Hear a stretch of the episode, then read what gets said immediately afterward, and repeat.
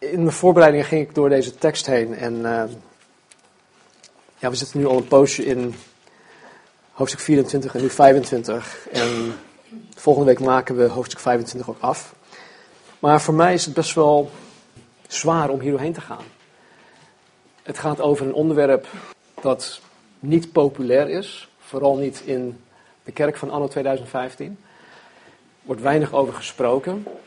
Maar goed, we zitten eenmaal in hoofdstuk 25, dus we moeten er doorheen gaan. Maar het is, het is zware kost. Ik ben best wel ambitieus vanmorgen, want we gaan uh, twee gelijkenissen behandelen. De gelijkenis van de wijze en de dwaze maagden. En dan de gelijkenis van de talenten. Als het goed is, hebben jullie gisteren een sms'je van mij gekregen. En in dat sms-bericht uh, stelde ik de vraag of je klaar bent voor het einde van de wereld. Want zo, zo noemt de wereld dat. De, in de volksmond heet het het einde van de wereld. Zo, hoe weet je, of hoe kan je zeker weten of je er klaar voor bent of niet? In het schriftgedeelte dat we vanmorgen gaan behandelen, geeft Jezus ons één, de waarschuwing dat we er klaar voor moeten zijn. En in de tweede gelijkenis, hoe je er zeker van kan zijn dat je er klaar voor bent. Dat zijn best wel belangrijke dingen. Ik wil best wel, ik wil gewoon zeker weten dat ik, dat ik meega. Of in de opname, of wanneer ik hier dit lichaam verlaat, dat ik echt in de hemel kom, dat ik echt in Gods aanwezigheid kom, dat ik echt gered ben. Die zekerheid moet ik hebben. Die wil ik ook heel graag hebben. Dus laten we ons Bijbels openslaan op Matthäus 25 en dan vanaf vers 1. Dan zal het koninkrijk der hemelen gelijk zijn aan tien meisjes of tien maagden, die hun lampen namen en op weg gingen, de bruidegom tegemoet. Vijf van hen waren wijs en vijf waren dwaas. Zij die dwaas waren, namen wel hun lampen maar, geen olie met zich mee. De wijzen namen met hun lampen ook olie mee in hun kruikjes. Toen de bruidegom uitbleef, werden zij allen slaperig en vielen in slaap. En te middernacht klonk er een geroep. Zie, de bruidegom komt naar buiten. Komt, ga naar buiten hem tegemoet. Toen stonden al de meisjes op en maakten hun lampen in orde. De dwazen zeiden tegen de wijzen: Geef ons van uw olie, want onze lampen gaan uit. Maar de wijzen antwoordden: In geen geval, anders is er misschien niet genoeg voor ons en u. Ga liever naar de verkopers en koop olie voor uzelf. Toen zij weggingen om olie te kopen, kwam de bruidegom en zij, en zij die gereed waren, gingen met hem naar binnen, naar de bruiloft. En de deur werd gesloten. Later kwamen ook de andere meisjes die zeiden: Heer, Heer, doe ons open. Hij antwoordde en zei: Voorwaar, ik zeg u. Met andere woorden, luister heel goed. Ik zeg u, ik ken u niet. Wees dan waakzaam, want u weet de dag en ook het uur niet waarop de zoon des mensen komen zal. Tot zover. In vers 1 heeft hij het over het koninkrijk der hemelen.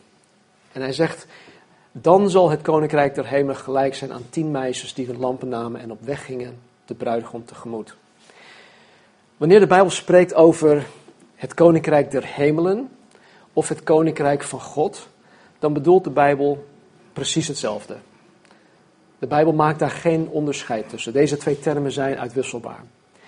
Maar wel zit er een verschil tussen hoe Jezus en hoe de Bijbel het koninkrijk der hemelen of het koninkrijk van God gebruikt. We hebben het in hoofdstuk 13, dat is al heel lang geleden, Matthäus 13, maar hier hebben we het uitvoerig over gehad. En um, ja, daarin, daarin wordt ook heel, heel, heel grondig uitgelegd precies wat het koninkrijk van God inhoudt, wat het verschil is. Is de kerk het koninkrijk van God, ja of nee? Maar goed, voor alle duidelijkheid wil ik nog even iets, één ding noemen. Ten eerste leert de Bijbel ons over het universele koninkrijk van God. Het universele koninkrijk van God. Dit betekent simpelweg dat God, de schepper van hemel en aarde, dat hij heerser en koning is over alles dat in het heelal bestaat. Over alles dat God geschapen heeft. In deze universele zin heerst God dus over alles en over iedereen. Zowel het goede als het kwade. En om een deelnemer te kunnen zijn van Gods universeel koninkrijk, hoef je alleen maar te bestaan. Verder geen voorwaarden aangekoppeld. Ten tweede leert de Bijbel ons over een meer specifiek koninkrijk. En dit heb ik genoemd een door bemiddeling tot stand gebracht koninkrijk. Mond vol. Maar hiermee bedoel ik dat doordat Jezus Christus tussen de, de volmaakte God van de Bijbel, de heilige God van de Bijbel, en de zondige mens bemiddeld heeft, hij heeft bemiddeld, waardoor Jezus God en de gelovige mens heeft verzoend, bij elkaar heeft gebracht. Door die bemiddeling is er een ander koninkrijk ontstaan. Een door bemiddeling tot stand gebracht koninkrijk. En het is door middel van uh, dit, door uh, bemiddeling tot stand gebracht koninkrijk, dat God zijn reddende werk nu zo'n 2000 jaar lang al hier op aarde doet.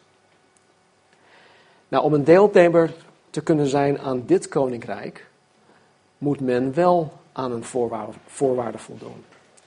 En de voorwaarde is geloven in Jezus Christus en het onvoorwaardelijk navolgen van, van Jezus Christus.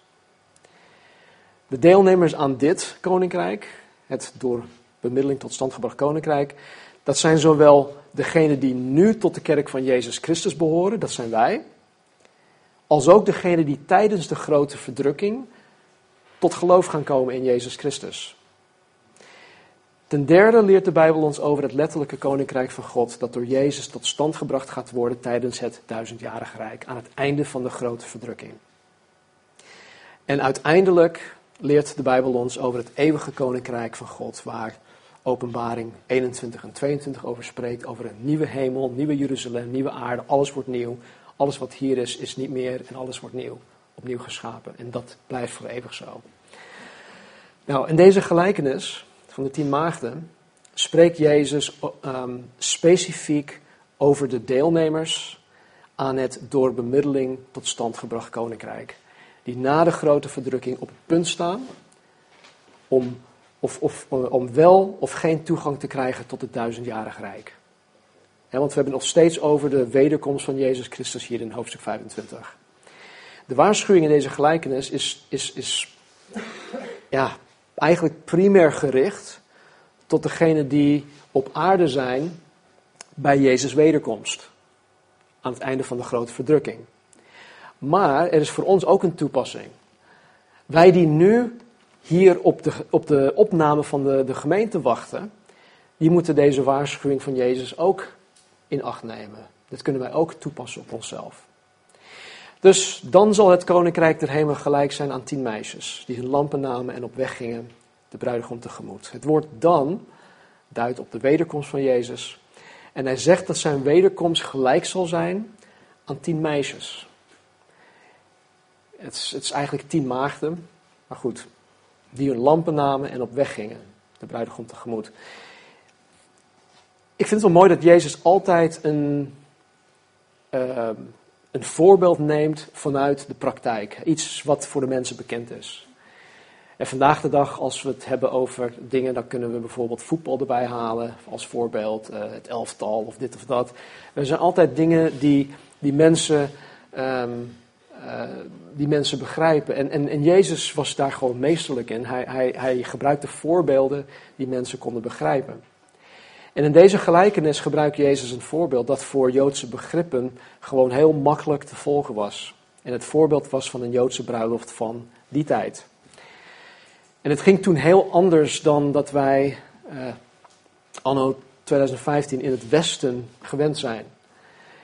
In die tijd bepaalden de vaders met wie hun kinderen gingen trouwen. Misschien denk je van ja, maar dat, is, dat is best wel vreemd. Dat, dat gebeurt vandaag de dag nog steeds trouwens, in sommige landen. De kinderen hadden daar gewoon geen keuze in. De vaders bepaalden met wie hun kinderen gingen trouwen. En het werd al heel vroeg in het leven van zo'n kind bepaald. Heel vroeg, toen ze nog heel klein waren. Zelfs misschien bij de geboorte werd het al bepaald. En dit zou je kunnen zien als onze hedendaagse verloving.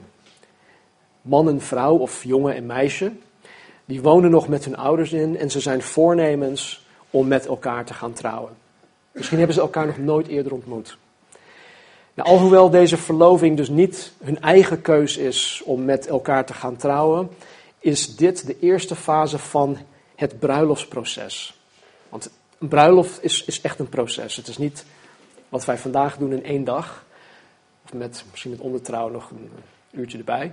Maar eh, weet je, het is, het is echt een heel, een heel, heel lang proces. De tweede fase waarin ze, waarin ze gaan, is, is, dan wordt het echt officieel. En dit zou je kunnen zien als onze hedendaagse ondertrouw. Volgens de Joodse wetgeving was dit een, een, een juridisch bepaalde verbintenis. En dat kon alleen ontbonden worden door middel van een officiële scheidsbrief. Dat was echt officieel. Je moest echt scheiding aanvragen om hieronder uit te kunnen komen. En ook dit gebeurde vrij vroeg in het leven van vooral het meisje. Meisjes waren veel jonger dan de, de, de jongens of de mannen die trouwden. En ja, dat zie je vandaag in, de, in het Midden-Oosten, in de Oosterse cultuur nog steeds. Meestal waren de meisjes rond de 12 jaar oud wanneer zij in ondertrouw gingen. En tijdens deze fase was het echtpaar juridisch gezien al aan elkaar verbonden. Ze zaten vast aan elkaar. Maar man en vrouw, of jongen en meisje, of meisje en man, die woonden nog steeds met hun ouders, met hun eigen ouders. En in deze fase was het in die tijd vooral gewoon not done om met elkaar naar bed te gaan. Dat, dat hoorde gewoon niet. Het hoort nu nog steeds niet om voor je huwelijk naar bed te gaan, maar goed, dat is een ander verhaal. Maar daar was het gewoon not done en de ouders zorgden, daar, zorgden ook ervoor dat ze dat niet deden.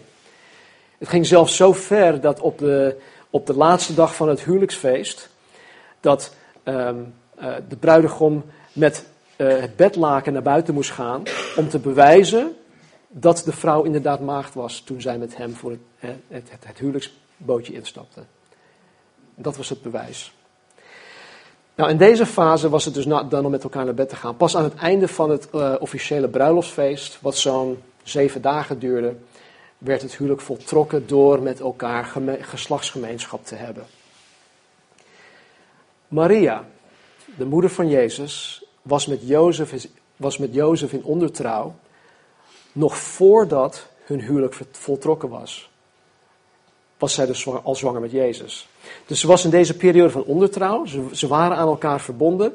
Ze hadden nog geen gemeenschap met elkaar gehad, maar ze was zwanger. Lastig voor haar, denk ik.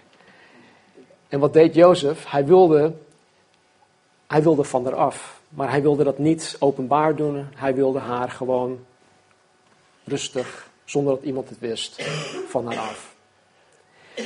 Hij wilde van haar scheiden. Nou, er is een derde fase, de laatste fase, en dat is dan de, uh, het bruiloftfeest zelf. De bruid is bij haar ouders thuis. Dat is denk ik vandaag de dag nog steeds zo. Alle bruidsmeisjes zijn bij haar om haar te dienen. En samen, dus de bruid en de bruidsmeisjes, wachten op de bruidegom die hun op zal halen. Om vervolgens met de hele stoet naar het huis van zijn vader toe te gaan om daar het feest te gaan vieren. In de gelijkenis van, de, um, van deze tien meisjes spreekt Jezus dus over deze laatste fase. Het gaat over deze fase van het bruiloftsfeest, um, of het bruiloftsfeest zelf. Vers 2. Vijf van hen waren wijs en vijf waren dwaas.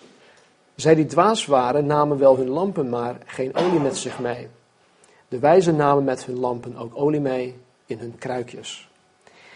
Het, het gaat hier om, om tien bruidsmeisjes die hun lampen, oftewel het waren geen lampen zoals wij dat kennen, maar het waren echt fakkels. Uh, stokken met, met, uh, met kleed wat er om, omheen gebonden was. Er werd olie gedoopt, er werd aangestoken en dat waren dan die lichtfakkels. Dus er waren tien bruidsmeisjes die deze fakkels met zich meenamen naar het huis van de bruid. En het punt dat Jezus probeert duidelijk te maken is dat alle tien bruidsmeisjes gelijk waren. Alle tien namen hun fakkels met zich mee en, en ja, Jezus maakt geen onderscheid tussen de wijze en de dwaze. Alle tien zijn gelijk. Het enige onderscheid is dat hij zegt dat vijf van de tien wijs waren en de andere vijf dwaas. Het onderscheid had puur te maken met het feit dat de vijf wijze bruidsmeisjes goed voorbereid waren en de vijf dwazen niet. Vers 5. Toen de bruidegom uitbleef, werden zij allen slaperig en vielen in slaap. En te middernacht klonk er een geroep: Zie, de bruidegom komt, nou, ga naar buiten hem tegemoet. Op het moment dat hij aankomt bij het huis van zijn verloofde, moeten alle deelnemers aan de bruiloft hun fakkels aansteken en, en vervolgens met de hele stoet naar het huis van de vader van de bruidegom toe gaan. Vers 7. Toen stonden al die meisjes op, maakten hun lampen in orde. De dwazen zeiden tegen de wijze: Geef ons van uw olie, want onze lampen gaan uit. Nou, terstond gingen, dus die, gingen meisjes hun fakkels in orde maken. Nou, dat hield in dat ze het verbrande, het verschroeide eh, stof eh, af moest schrapen of knippen, wegknippen. Opnieuw in olie gaan dopen en dan opnieuw aansteken. En zo'n fakkel, heb ik geleerd, brandde hooguit tussen 10 minuten en een kwartier lang. Dus niet echt lang. En als dat zo was, hè, als hij uitging, ja, dan moest je het weer opnieuw in olie gaan dopen en weer, weer aansteken. Dus de vijf dwazen die geen olie met zich meegenomen hadden, raakten in paniek. Ja, hun fakkels gingen uit. En zonder een brandende fakkel eh, kon je niet meedoen aan die, aan die optocht. Werd je buitengesloten. Maar de wijze, vers 9, antwoordde, de dwazen, in geen geval, anders is er misschien niet genoeg voor ons en u. Ga liever naar de verkopers en koop olie voor uzelf. Nou, de reactie van de wijze op de vraag van de wijze lijkt in eerste instantie misschien vrij hard. Hè, een beetje onchristelijk. Want wij horen met elkaar te delen, weet je, en ja, dat lijkt gewoon niet, niet echt sociaal. Maar dat is het niet. Jezus wil hiermee een, een punt maken. Hij wil ons iets duidelijk maken. Nou, om dit punt, voor mijn eigen begrip dan, om dit punt even duidelijk te maken, moeten we even een zijsprong gaan maken naar iets anders. Blijf bij de les, alsjeblieft. Ja, ik had het net over het door bemiddeling tot stand gebracht koninkrijk van God. In Matthäus 13 legt Jezus ons uit dat dit koninkrijk, het door bemiddeling tot stand gebracht koninkrijk, waaronder de kerk, hè, dat is ook de kerk, dat dit koninkrijk zal bestaan uit echte en uit valse christenen. De kerk vandaag de dag, 2015, bestaat uit echte en valse christenen. Jezus legt dit uit in Matthäus 13. En hij legt dit uit in, in meerdere gelijkenissen. In, in de gelijkenis van het onkruid tussen de tarwe legt hij dat uit. In de gelijkenis van het mosterdzaad, in de gelijkenis van het zuurdeeg of zuurdezem en in de gelijkenis van het visnet. Legt Jezus uit dat er valse en echte christenen zullen zijn in het koninkrijk. Wat Jezus ons hiermee echt duidelijk wil maken, en weet je, dit snappen veel, vele, ik denk de meeste christenen niet, is dat het verschil tussen de echte christen en de valse christen niet duidelijk te onderscheiden is. Het is niet duidelijk te onderscheiden. Ik heb niet iets hier op mijn hoofd dat zegt echte christen. En Pietje Puk heeft iets op zijn hoofd dat staat, waar staat valse christen. Nee, want de valse christen die zingt net zo, net zo hard mee. De valse christen komt ook naar de zondagsdiensten. De, de valse christen heeft ook een bediening. Dus het is heel moeilijk om daar onderscheid in te maken. En, en, en de meeste christenen snappen dit niet. Want hoe zou er nou een valse christen in de kerk kunnen zijn? Waarom zou God dat überhaupt toelaten? Als je, als je het antwoord op die vraag weet, dan moet je teruggaan naar Matthäus 13. Ik heb er trouwens vijf of zes studies over gegeven, dus kijk op de website, eh, je bent nog even zoet. Jezus wil ons hier in Matthäus 25 precies hetzelfde duidelijk maken als wat hij in Matthäus 13 duidelijk maakte. In deze gelijkenis hebben we tien bruidsmeisjes. Alle tien zijn maagden. Alle tien hebben bruidskleding aan.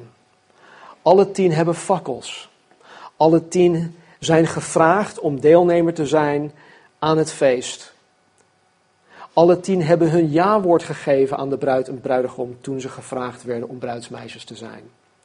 Alle tien gingen erop uit om de bruidegom tegemoet te gaan. Alle tien vielen in slaap. Alle tien werden ook weer wakker en alle tien stonden op en maakten hun fakkels in orde. Dus Aan, aan al deze uiterlijke dingen zou je de conclusie kunnen trekken dat alle tien gelijk zijn. Maar dat zijn ze niet. En de vijf wijze meisjes geven ons daarin de clue. De dwazen zeiden tegen de wijze, in vers 8, geef ons van uw olie, want onze lampen gaan uit. Maar de wijze antwoorden, in geen geval, anders is er misschien niet genoeg voor ons en u. Ga liever naar de verkopers en koop olie voor uzelf. Behalve dat vijf wijs worden geacht en de andere vijf dwaas, wat is het enige verschil tussen de wijze en de dwazen? Voorbereid. De olie, absoluut. Ja, de olie. Ze zijn voorbereid. Nou, in de Bijbel staat olie vaak symbool voor de Heilige Geest. En Jezus zegt hiermee dat de vijf wijzen de Heilige Geest hebben, de olie hebben en de vijf dwazen niet. Even verder, of even verderop naar, naar Johannes. Blijf bij de les, hè. In Johannes 3 spreekt Jezus s'nachts tot een fariseer die heet Nicodemus. En tegen Nicodemus zegt Jezus dit. Voorwaar, voorwaar. Met andere woorden, luister heel goed. Ik zeg u dit. Als iemand niet opnieuw geboren wordt, kan hij het koninkrijk van God niet zien. Als iemand niet opnieuw of wedergeboren wordt, kan hij het koninkrijk van God niet zien. In vers 5 tot en met 7 zegt Jezus weer tegen Nicodemus: Voorwaar, voorwaar, ik zeg u. Als iemand niet geboren wordt uit water en geest, kan hij het koninkrijk van God niet binnengaan. Wat uit vlees geboren is, is vlees. Dat is ons lichaam, dat is onze eerste geboorte wanneer we uit de moederschoot komen. En wat uit de geest geboren is, is geest. Dat is onze wedergeboorte. Verwonder u niet dat ik tegen u gezegd heb, u moet opnieuw of wedergeboren worden. Hier legt Jezus in onweerlegbare termen uit dat als iemand het door bemiddeling tot stand gebracht koninkrijk van God überhaupt wil zien, laat staan dat hij of zij binnen wil gaan, moet hij of zij door de Heilige Geest van God wedergeboren zijn. Dat is de olie. Dat is de voorwaarde. Dat is het goed voorbereid zijn op. En dit is de olie dat de vijf dwaze meisjes niet hadden. Zij waren niet wedergeboren door de Heilige Geest. Ze maakten deel uit van de groep. Ze deden aan alles mee, of in alles mee. Ze leken allemaal net echt. Alle tien. Je kon het verschil niet zien tussen de wijze en de dwaze, behalve dat één olie had en de andere niet.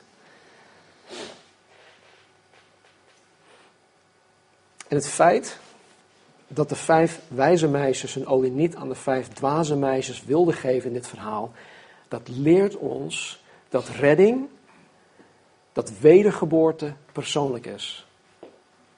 Het is persoonlijk. Wij noemen het redding, wij noemen het het heil. Oftewel het behoren tot het door bemiddeling tot stand gebracht koninkrijk. Dat is niet overdraagbaar. Het is niet overdraagbaar. Mijn redding kan niets voor jou betekenen. In Johannes hoofdstuk 1 staat dat, dat men tot geloof komt niet door de wil van de mens, nog door, uh, volgens mij door het bloed, maar door geloof in Jezus Christus. Met andere woorden, God heeft geen kleinkinderen. Snap je dat?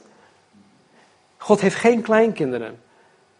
Elke persoon die tot God komt, wordt zijn kind.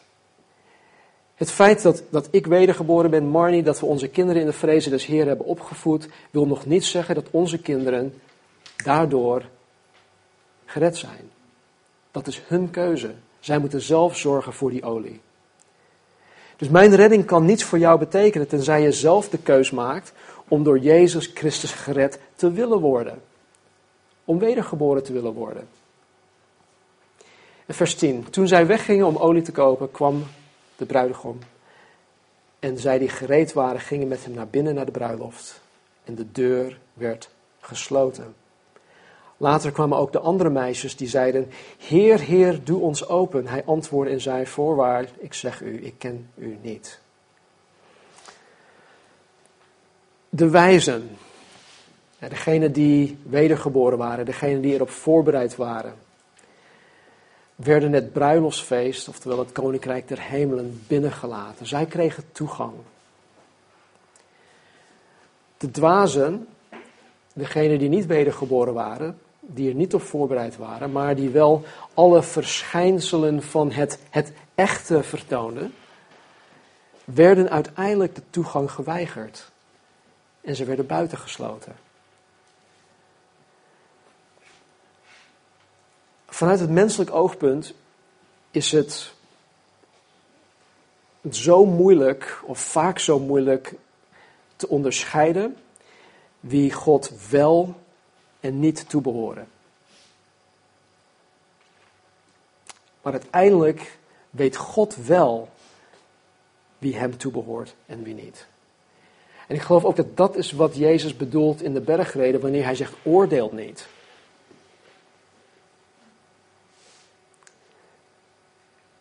Het is niet aan mij om te oordelen of jij nu wel of niet bij God behoort.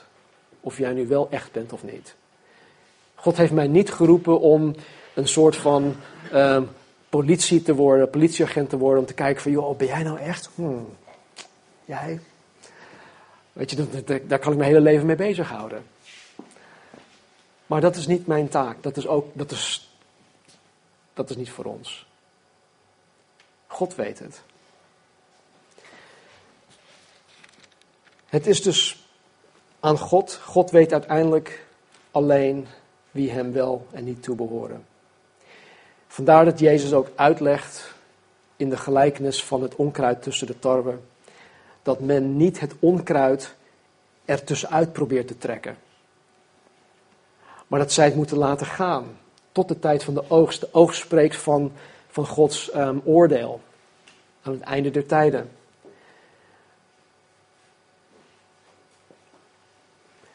Jezus zei tegen hen in de gelijkenis van het onkruid tussen de tarwe: Verzamel eerst het onkruid.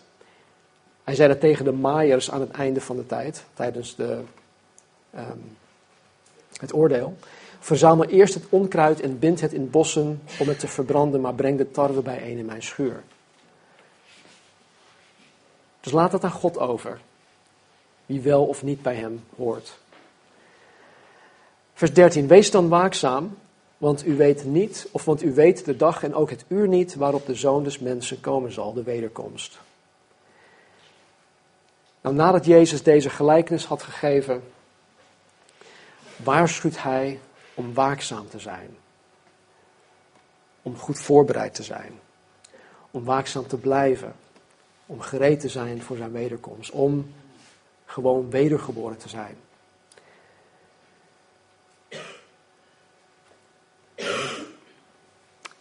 Het is voor mij in ieder geval, uh, omdat ik ja, me zo lang heb verdiept in Matthäus-evangelie, het, het is voor mij in ieder geval duidelijk dat niet iedereen die in de kerk zit uiteindelijk een echte christen is. In Matthäus 7, in de bergreden, vers 21 en 23 tot 23, zegt Jezus dit. Niet ieder die tegen mij zegt, Heere, Heere, zal binnengaan in het koninkrijk der hemelen. Alleen wie de wil doet van mijn Vader die in de hemel is.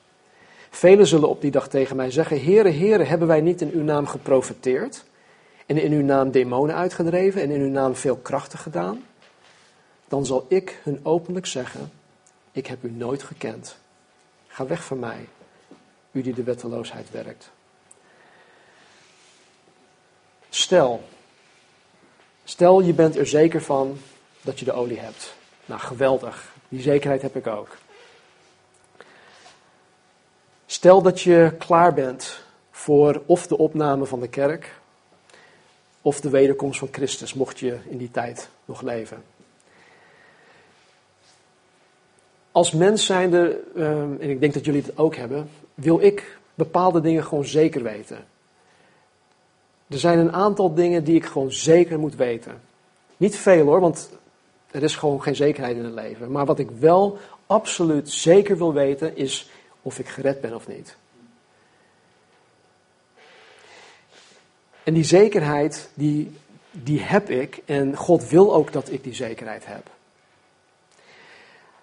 Maar hoe kan ik dan die zekerheid krijgen? Of hoe weet ik dat?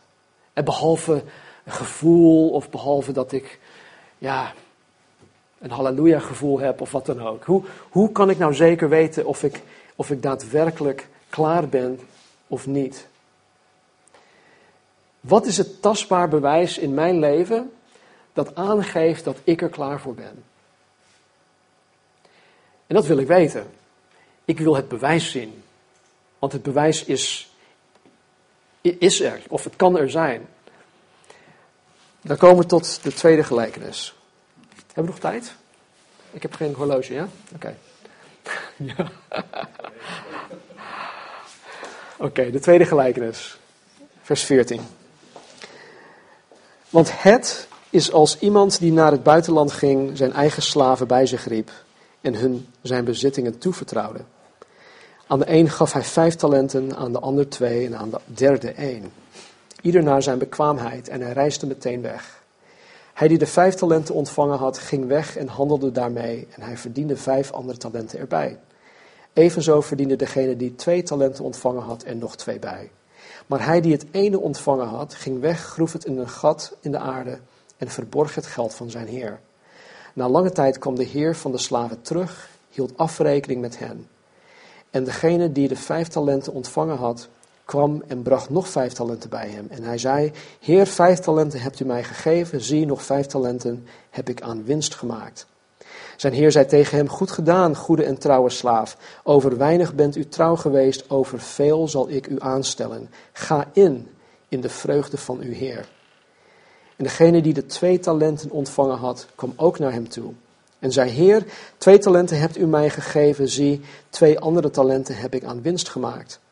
Zijn heer zei tegen hem, goed gedaan, goede en trouwe slaaf, over weinig bent u trouw geweest, over veel zal ik u aanstellen, ga in, in de vreugde van uw heer. Maar hij die het ene talent ontvangen had, kwam ook en zei, Heer, ik wist dat u een streng man bent, omdat u maait waar u niet gezaaid hebt en inzamelt van de plaats waar u niet gestrooid hebt. En ik ben bevreesd weggegaan en heb uw talent verborgen in de aarde. Zie, hier hebt u het uwe. Maar zijn heer antwoordde en zei tegen hem, slechte en luie slaaf, u wist dat ik maar maai waar ik niet gezaaid heb en van de plaats inzamel waar ik niet gestrooid heb.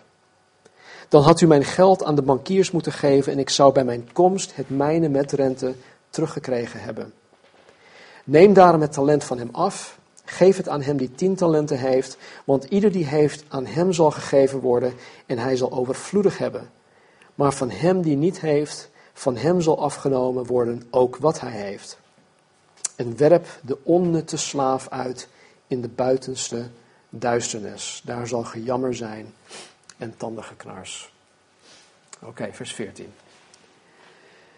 Want het is als iemand die naar het buitenland ging, zijn eigen slaven bij zich riep en hun zijn bezittingen toevertrouwde. En aan de een gaf hij vijf talenten, aan de andere twee en aan een derde één. Ieder naar zijn bekwaamheid. En hij reisde meteen weg. Even een paar woordjes wat wel belangrijk is. Het woord want verbindt deze gelijkenis met de vorige. De oproep tot waakzaamheid, tot goed voorbereid zijn, wordt nu in deze gelijkenis verder uitgewerkt. Het woord het duidt hier op de wederkomst van Christus. De slaven die hier genoemd zijn, of worden, zijn net zoals de slaaf die in hoofdstuk 24 genoemd wordt. Het zijn mannen die een vertrouwenspositie hebben. Het zijn mannen die uh, beheerders zijn. Het zijn niet zomaar um, medewerkers of slaven. Het waren beheerders en vandaar dat de baas of de heer in dit verhaal zijn bezittingen aan hun toevertrouwde. De talenten die hier genoemd worden duiden een bepaalde maat van gewicht of een geldeenheid aan. En vaak wordt er, wanneer, wanneer men over dit, dit Bijbelgedeelte uh, spreekt, uh, wordt, er, wordt er gehad over uh, talent die jij hebt gekregen. muzikaal talent of whatever. maar het gaat hier dus echt om een, een maat van gewicht of een geldeenheid. Nou, één talent van goud woog in die tijd rond de 34 kilo. Hangt er maar net vanaf of het een Romeinse talent was of een uh, Griekse talent of whatever. Maar gemiddeld woog het rond 34 kilogram. 34 kilo aan goud. Nou, vandaag de dag is dat waarschijnlijk rond de half miljoen euro waard. Om en nabij. Eén talent in geld uitgedrukt bedroeg ongeveer 17 jaarlonen van een arbeider. Dus of het nu goud of geld was, één, twee of vijf talenten was gewoon een hoop geld waard. Ja, dus even voor de duidelijkheid. Dus deze, deze heer, deze baas waar Jezus het over heeft in het verhaal, die was waarschijnlijk multimiljonair. Hij had heel veel vermogen. Deze heer, deze baas, vertrouwde deze talenten dus aan drie van zijn beheerders toe. Ieder naar zijn bekwaamheid. En wat we in dit verhaal moeten onthouden, is dat alle drie slaven in dienst waren van dezelfde baas. Er wordt hier geen onderscheid in gemaakt. Wat we ook moeten onthouden is dat de baas wel het verschil in bekwaamheid kon onderscheiden. En het laat ons in deze gelijkenis een aantal hele belangrijke dingen zien. Dat hij onderscheid kon maken in bekwaamheid. Zoals wij waren alle drie slaven anders. Ze waren allemaal anders. Ze waren uniek in hun persoonlijkheid. Ze waren uniek in hun bekwaamheid. Ze waren uniek in hun talenten, in hun IQ, in hun opleiding. En ga zo maar door. Ze waren allemaal alle drie uniek. Ook zien we hier dat, uh, dat de baas een ieder een voor hem passende mate verantwoordelijkheid gaf. De baas wist van tevoren dat degene aan wie hij één talent toevertrouwde, niet in staat zou zijn om meer toevertrouwd te krijgen. Ook wist de baas dat degene aan wie hij vijf talenten gaf, zich waarschijnlijk ontzettend zou gaan vervelen als hij maar een klein beetje verantwoordelijkheid kreeg. Vers 16. Hij die de vijf talenten ontvangen had, ging weg en handelde daarmee. En hij verdiende vijf andere talenten erbij. Evenzo verdiende degene die de twee talenten ontvangen had er nog twee bij. Maar hij die het ene ontvangen had, ging weg en groef een gat in de aarde en verborg het geld van zijn heer. Dus hier heb je de drie verschillende mensen die in dienst zijn van dezelfde heer, die naar eigen bekwaamheid iets, iets kostbaar, iets heel kostbaar, van zijn baas toevertrouwd heeft gekregen. Ik durf zelfs te zeggen dat zij zelf niet eens aan dit soort geld konden komen. Want het waren dienstknechten. Het is geen salaris van een dienstknecht, half miljoen euro of 17 jaar lonen. Daar moet je tegenwoordig een, een prof uh, voetballer voor zijn of iets dergelijks. Maar goed. Twee hebben er naar hun eigen bekwaamheid alles, maar dan ook alles aan gedaan om het aan hun toevertrouwde geld te gaan vermenigvuldigen. Ze hebben er gewoon keihard voor gewerkt om het te verdubbelen. Maar de laatste heeft het kostbare van zijn heer wel in ontvangst genomen. Hij zei, oké, ik neem het wel in ontvangst. Maar hij heeft vervolgens uh, heeft er, hij heeft er niks mee gedaan. Hij heeft het in de grond gestopt. Hij heeft het in de grond gestopt waar het geen enkele kans gekregen had om vermenigvuldigd te gaan worden. En vers 19. Na lange tijd kwam de heer van die slaven terug en hield afrekening met hen. En degene die vijf talenten had ontvangen had, kwam en bracht nog vijf talenten bij hem en zei: Heer, vijf talenten hebt u mij gegeven. Zie, nog vijf talenten heb ik aan winst gemaakt. Zijn heer zei tegen hem: Goed gedaan, goede en trouwe slaaf. Over weinig bent u trouw geweest, over veel zal ik u aanstellen. Ga in in de vreugde van uw Heer. En degene die twee talenten ontvangen had, kwam ook naar hem toe en zei: Heer, twee talenten hebt u mij gegeven. Zie, twee andere talenten heb ik aan winst gemaakt. Zijn heer zei tegen hem: Goed gedaan, goede en trouwe slaaf. Over weinig bent u trouw geweest, over veel zal ik u aanstellen. Ga in in de vreugde van uw Heer. Ze hebben het verdubbeld. En nu worden ze beloond. Beiden hebben precies gedaan wat hun Heer van hun verwacht had. Niet meer en niet minder. En de Heer prijst hun trouw waarmee ze, hun, waarmee ze zijn zaak hadden behartigd. Hij prijst niet in eerste plaats hun succes. Is dat, is dat je opgevallen? Hij heeft niet gezegd van, joh, wat gaaf, je hebt er vijf. Doordat je vijf extra talenten er, erbij hebt verdiend, krijg je dit. Nee, hij prees hun trouw. Goed gedaan, goede en trouwe slaaf. Over weinig bent u trouw geweest.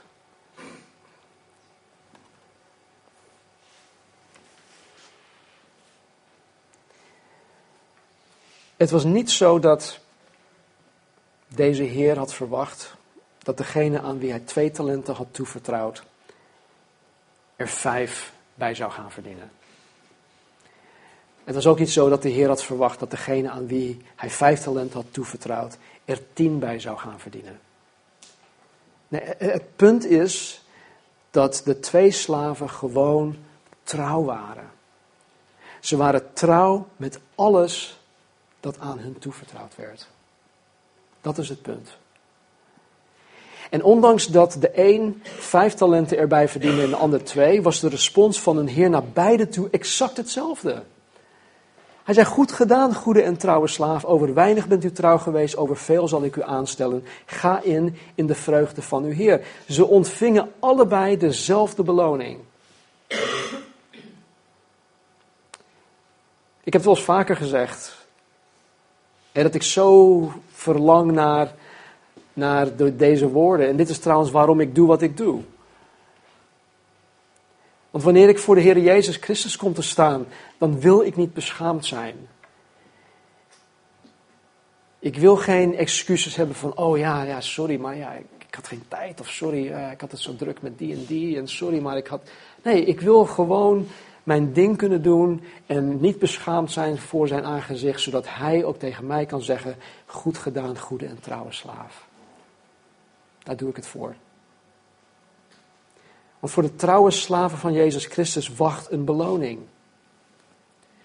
Ja, we krijgen allemaal dezelfde beloning in de zin dat wij toegang krijgen tot het koninkrijk. Maar er, de Bijbel spreekt ook nog over een andere beloning. De werken die wij in Christus verrichten, de werken die, die eeuwigheidswaarde hebben, de werken die door het vuur heen gaan en die blijven, daar worden wij als individu voor beloond. En misschien denken jullie, oh ja, maar Stan, jij bent voorganger. Jij zal waarschijnlijk een uh, gigantisch grote villa krijgen met dit en dat. En een vette dit erbij, een vette dat erbij. En ik, ja... Uh, nee, weet je, er zijn mensen die, die totaal niet in, het, in, het, um, in de spotlight zijn of zitten of staan. Die waarschijnlijk veel meer beloning zullen krijgen dan, dan ik dat zal krijgen. Want zij zijn gewoon trouw in het bidden voor mij, onder andere in het bidden voor jullie. Weet je, dus de, wij, wij, wij zien dat met, met, met menselijke ogen. En ook dan, ook hiervoor geldt dat alleen God het weet. Maar dat is ook wel mijn motivatie. Ik wil schatten in de hemel vergaren, niet hier op aarde.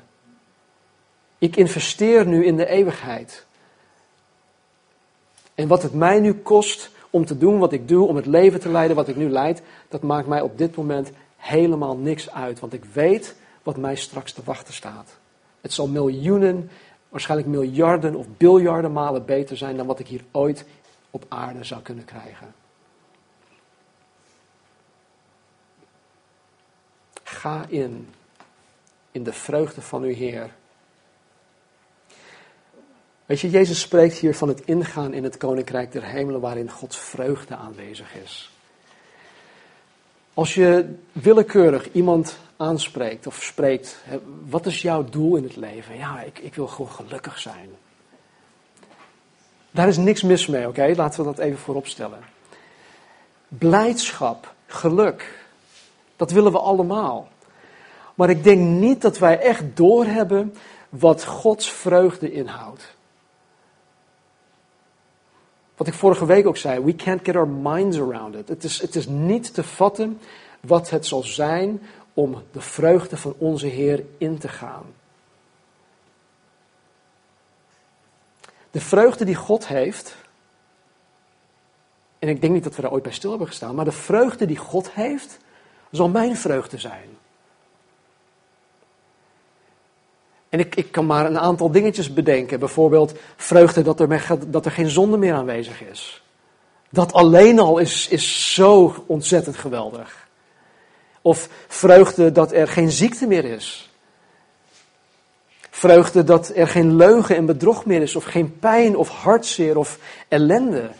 Weet je, maar dat zijn vanuit mijn oogpunt zijn, zijn dat dingen waarover ik blij kan worden. Dat deze dingen niet meer zullen bestaan. Laat staan de dingen die wel zullen bestaan. Alleen maar, alleen maar Gods onvoorwaardelijke liefde naar ons toe en onder elkaar. Ik las van de week iets uh, dat een, een, klein meisje dacht van, uh, ja, ik denk dat, het, uh, dat ik me ga vervelen als ik in de hemel kom. Nou, waarom dan? Ja, omdat als ik straks ga basketballen, dat ik gewoon elke, elke shot maak. Alles is volmaakt. Dus ja, dat, dat gaat op de duur vervelen. Maar goed. Maar ik kan me blij maken. Ik kan vreugdevol zijn als alles in, in volmaaktheid zal zijn. En in gerechtigheid zal gaan gebeuren. Alles waar God zich blij om maakt, zal mij ten deel vallen. Ik zal die vreugde van God ervaren. Vers 24. Maar hij die het ene talent ontvangen had, kwam ook en zei: Heer, ik wist dat u een streng man bent, omdat u maait waar u niet gezaaid hebt en inzamelt van de plaats waar u niet gestrooid hebt. En ik ben bevreesd weggegaan en heb uw talent verborgen in de aarde. Zie, hier hebt u het uwe. Deze slaaf ontving één talent, naar zijn bekwaamheid. Maar hij deed er niets mee. Hij was in staat om het te ontvangen, Anders zou hij het niet gekregen hebben. Hij was in staat om er iets mee te doen. Want het is naar zijn bekwaamheid kreeg hij dit. Dus hij was in staat om er iets mee te doen. Anders zou hij het niet gekregen hebben. Hij was in staat om het op zijn allerminst te gaan vermenigvuldigen met nog één talent. Anders had hij het niet gekregen. Maar helaas leverde hij niets op. Niente. Helemaal niks. En hij maakte alleen maar excuses. Hij verdedigde zijn handelwijze door te zeggen dat hij bevreesd was. Hij gaf zijn Heer de schuld. Ja, maar u bent. U bent dit, u bent dat. Hij beschuldigde zijn Heer van dingen die dus totaal niet waar zijn. Deze slaaf is lui. Hij doet niets met wat aan hem is toevertrouwd. Hij is zelfs zo lui dat hij niet eens de moeite ervoor nam om het geld naar de bank toe te brengen, om het daar te storten, om een bankrekening te openen. Dat kost ons vandaag de dag, wat, nog geen half uurtje. Je kan het zelfs online doen, denk ik. Maar kom op. Hij nam niet eens de tijd om dat te doen. Zo lui was hij. Hij was ook onverschillig. Het maakte hem totaal niets uit wat er met het geld van zijn heer gebeurde. Het kon hem een worst wezen. Hij is ook echt arrogant. Hij staat op zijn strepen en hij legt heel duidelijk uit waarom hij niets met het geld gedaan heeft. En vervolgens zegt hij tegen zijn heer: Hier heb je je geld terug. Je moet blij wezen dat je het nog terugkrijgt hier, heb je, hier hebt u het uwe. Arrogant. Hij had het talent niet gekregen om het te begraven. Nee, hij had het talent gekregen om het te beheren. Mismanagement van, dit, van het talent. Vers 26. Maar zijn heer antwoordde en zei tegen hem: Slechte, nou hier zegt hij het, en luie slaaf. U wist dat ik maai waar ik niet gezaaid heb en van de plaats inzamel waar ik niet gestrooid heb. Dan had u mijn geld aan de bankiers moeten geven en ik zou bij mijn komst het mijne met rente teruggekregen hebben. De Heer noemt hem slecht en lui. Slecht kan hier ook vertaald worden als kwaadaardig, boos, wicked in het Engels. You wicked and lazy servant. En doordat, Jezus, of doordat de Heer dan herhaalt wat hij over hem zegt, deze Heer beaamt hier niet dat zijn karakter, uh, karakter daadwerkelijk is zoals de slechte slaaf hem uh, omschrijft. Nee, ik geloof dat de Heer hier, hier als het ware zegt um, tegen, tegen de, deze slaaf, denkende, en niet eens wetende, maar denkende dat ik zo ben, had jij dan niet beter mijn geld op de bankrekening kunnen zetten? Hij beaamt hier niet mee dat hij zo is, want hij is niet zo. Kijk hoe, hoe hij met die andere twee omging.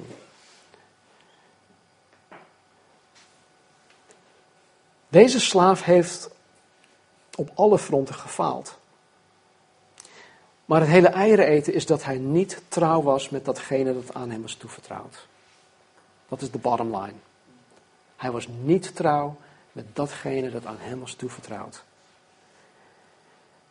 Jezus leert ons hier dat niet alleen het doen van slechte dingen fout is, en dat weten we allemaal, maar dat het niet trouw zijn in het doen van het goede ook fout is. Het niet doen, of het, het ontrouw zijn, het niet trouw zijn in het doen van het goede, dat ook fout is. Het Centrum voor Bijbelonderzoek zegt dit. Als we het grote niet kunnen doen en het kleine niet willen doen, lopen we het risico dat we niets doen. Die vond ik wel sterk.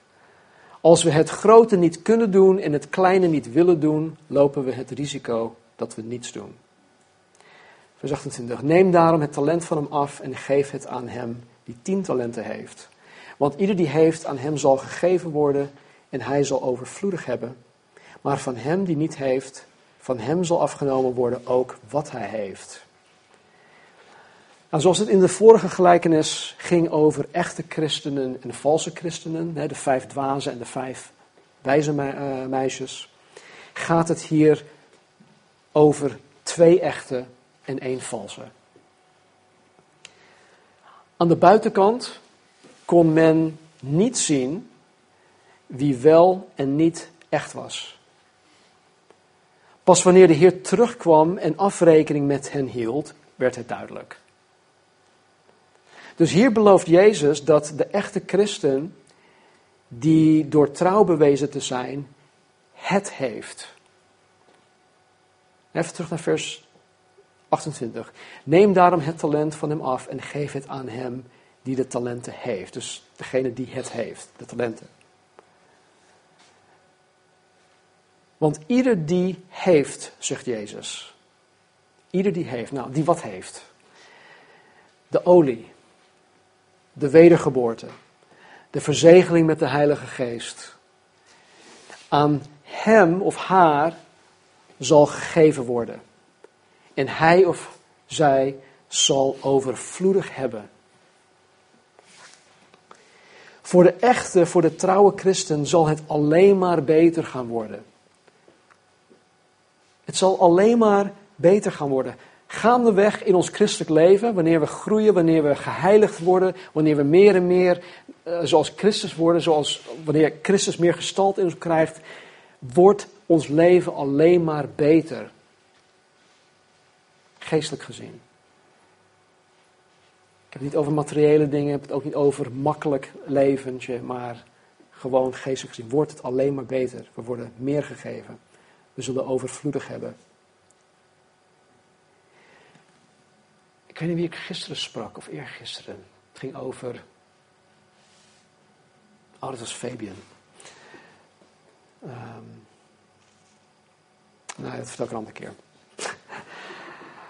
Uh, ik kan het niet meer, niet meer helemaal voor de geest halen. Oh ja, het ging over. Oké, toch wel. Het ging over de, um, het verhaal dat Jezus naar. Um, in Johannes hoofdstuk 2 bestaat. De bruiloft in Cana de, de, het bruiloftsfeest, dat was gaande en de wijn raakte op. Dus Jezus veranderde de, de water in wijn. En degene die daar dan, de, de ceremoniemeester, die was dan helemaal blij en begon aan die wijn te drinken. En die dacht van, wauw, je hebt het allerbeste voor het laatste bewaard. Want meestal serveren de mensen de goede wijn aan het begin. En wanneer mensen al dronken zijn, dan, hebben ze ja, dan weten ze niet meer of het goed of slecht is. Maar in dit geval hadden ze het gewoon bewaard voor het allerlaatste. En dat, dat, dat merkte hij op. En degene waarover Fabi gisteren sprak was, zo is God ook. Jij bent op 26-jarige leeftijd tot geloof gekomen. Jij hebt je beste jaren nog niet gezien, alhoewel je nu al 25 jaar op, weg bent. Stel dat God nu nog jou nog 20 jaar geeft, dan zal het met elk jaar steeds beter gaan worden. En jouw laatste jaren zal beter zijn, of zal eigenlijk het beste zijn dan de jaren voorheen. Anyway. Ik vond het wel een hele mooie opmerking over dat wonder. Dus voor de echte trouwe christen zal het alleen maar beter gaan worden. Maar van hem, ik ben zo klaar hoor.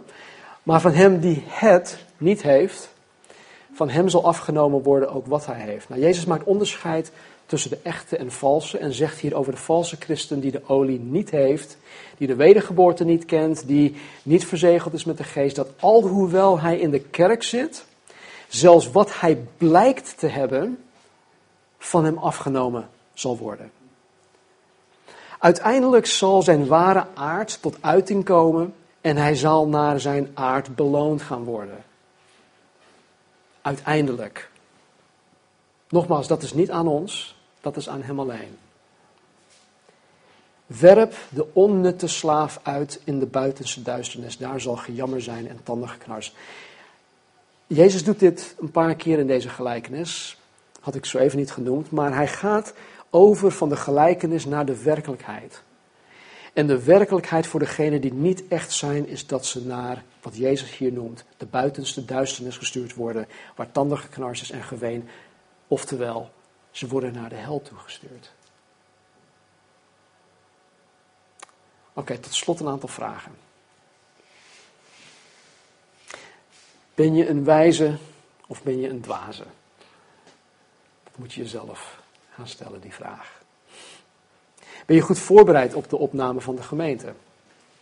Of, als je niet met de opname meegaat en je komt tijdens de grote verdrukking tot geloof, en mocht je de grote verdrukking nog overleven, ben je dan goed voorbereid op de wederkomst van Jezus?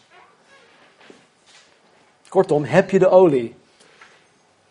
Ben je wedergeboren? Weet je dat zeker? Los van onze eigen meningen hierover, los van onze eigen gevoelens hierover, is uiteindelijk wat Jezus ons in de gelijkenis van de talenten leert bepalend voor deze zekerheid. De waakzaamheid en het goed voorbereid zijn, het wedergeboren zijn, dat komt tot uiting in het trouw zijn met datgene dat God aan jou heeft toevertrouwd. Misschien heb je na al deze tijd, ik weet niet hoe lang je nu bezig bent, maar misschien heb je op dit, moment zoiets van, ja maar wat is dat dan? Wat heeft God nou aan mij toevertrouwd? Ik weet het niet, ik weet het oprecht niet. En dat kan. Dat is een hele goede vraag. Maar laten we beginnen met dit, het evangelie van Jezus Christus.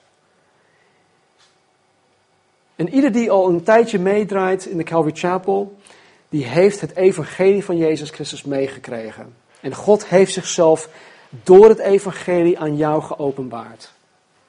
Ik weet het zeker. Of je je oren of ogen daarvoor open hebt gesteld, dat is aan jou, maar hij heeft zichzelf aan jou bekendgemaakt. Hij heeft het aan je gegeven. Dat is aan jou toevertrouwd. De vraag is, wat heb je ermee gedaan tot nu toe? Of wat doe je ermee?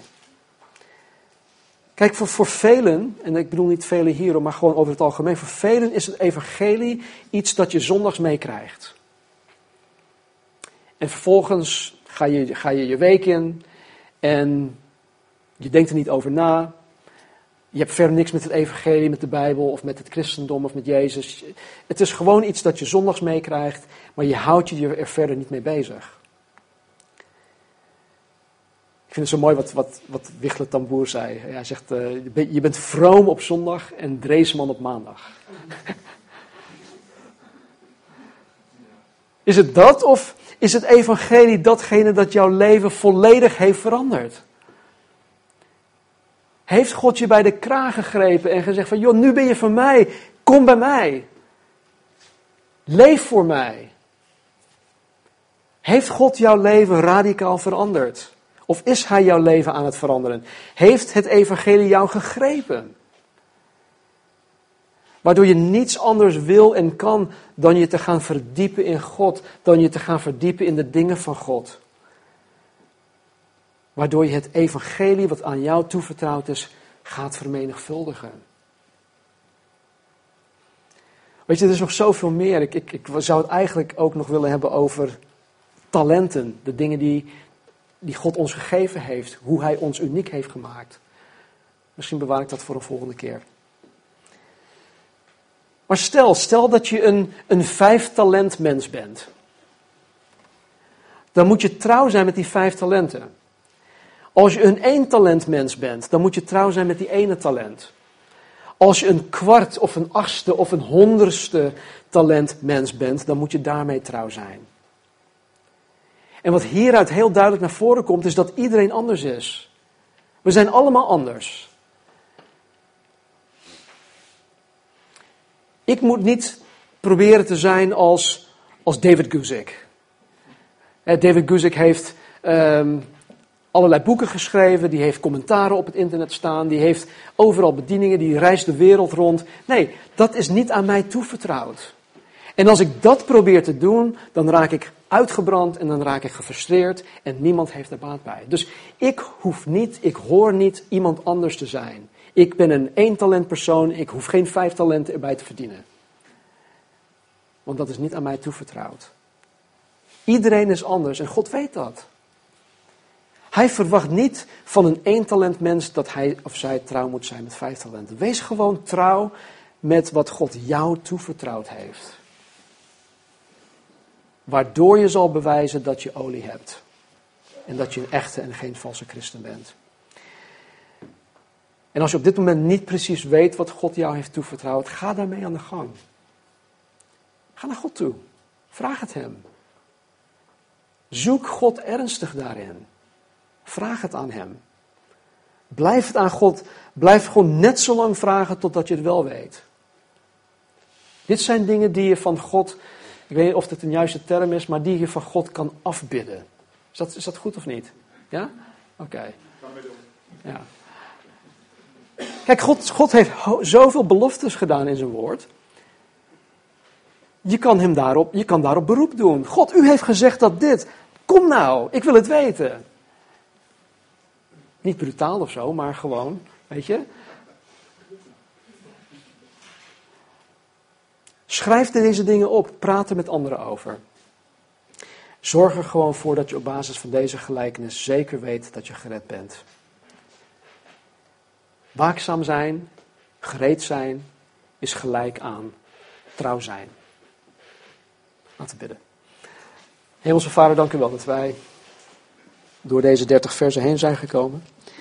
Dank u wel, Heer, dat wij hopelijk de les hebben geleerd die u, Jezus, ons hebt willen leren. Ik dank u, Heer, dat u zo duidelijk bent in wat u ons leert. Help ons, Vader, het te snappen. Help ons, Heer, om ernst te maken met onze eigen redding. Heer, dat we zeker weten dat we niet denken op basis van wat iemand ooit in het verleden gezegd heeft tegen ons, dat dat hetgene is waar we onze redding op bouwen of op baseren. Maar dat we vanuit onze eigen persoonlijke relatie met u en uw woord, dat we gewoon die zekerheid hebben. Ik dank u Heer voor uw woord, ik dank u voor uw trouw, ik dank u voor een ieder Heer die u toebehoort. Ik dank u voor een ieder die Calvary Chapel, Heer, als zijn of haar gemeente, thuisgemeente acht. En dat wij deze, deze reis, Heer, samen mogen nemen. Dus help ons, Heer, om te ontdekken wat u voor ons heeft. Heer, voor degenen die niet zeker weten of die geen, gewoon geen flauw benul hebben, Heer, wat, wat hun talenten zijn, wat u aan hun hebt toevertrouwd en wat ze daarmee moeten. Maak het alstublieft duidelijk. Maak het duidelijk, Heer. Omwille van uw naam, omwille van het koninkrijk. In Jezus' naam bidden wij. Amen. Laten we staan.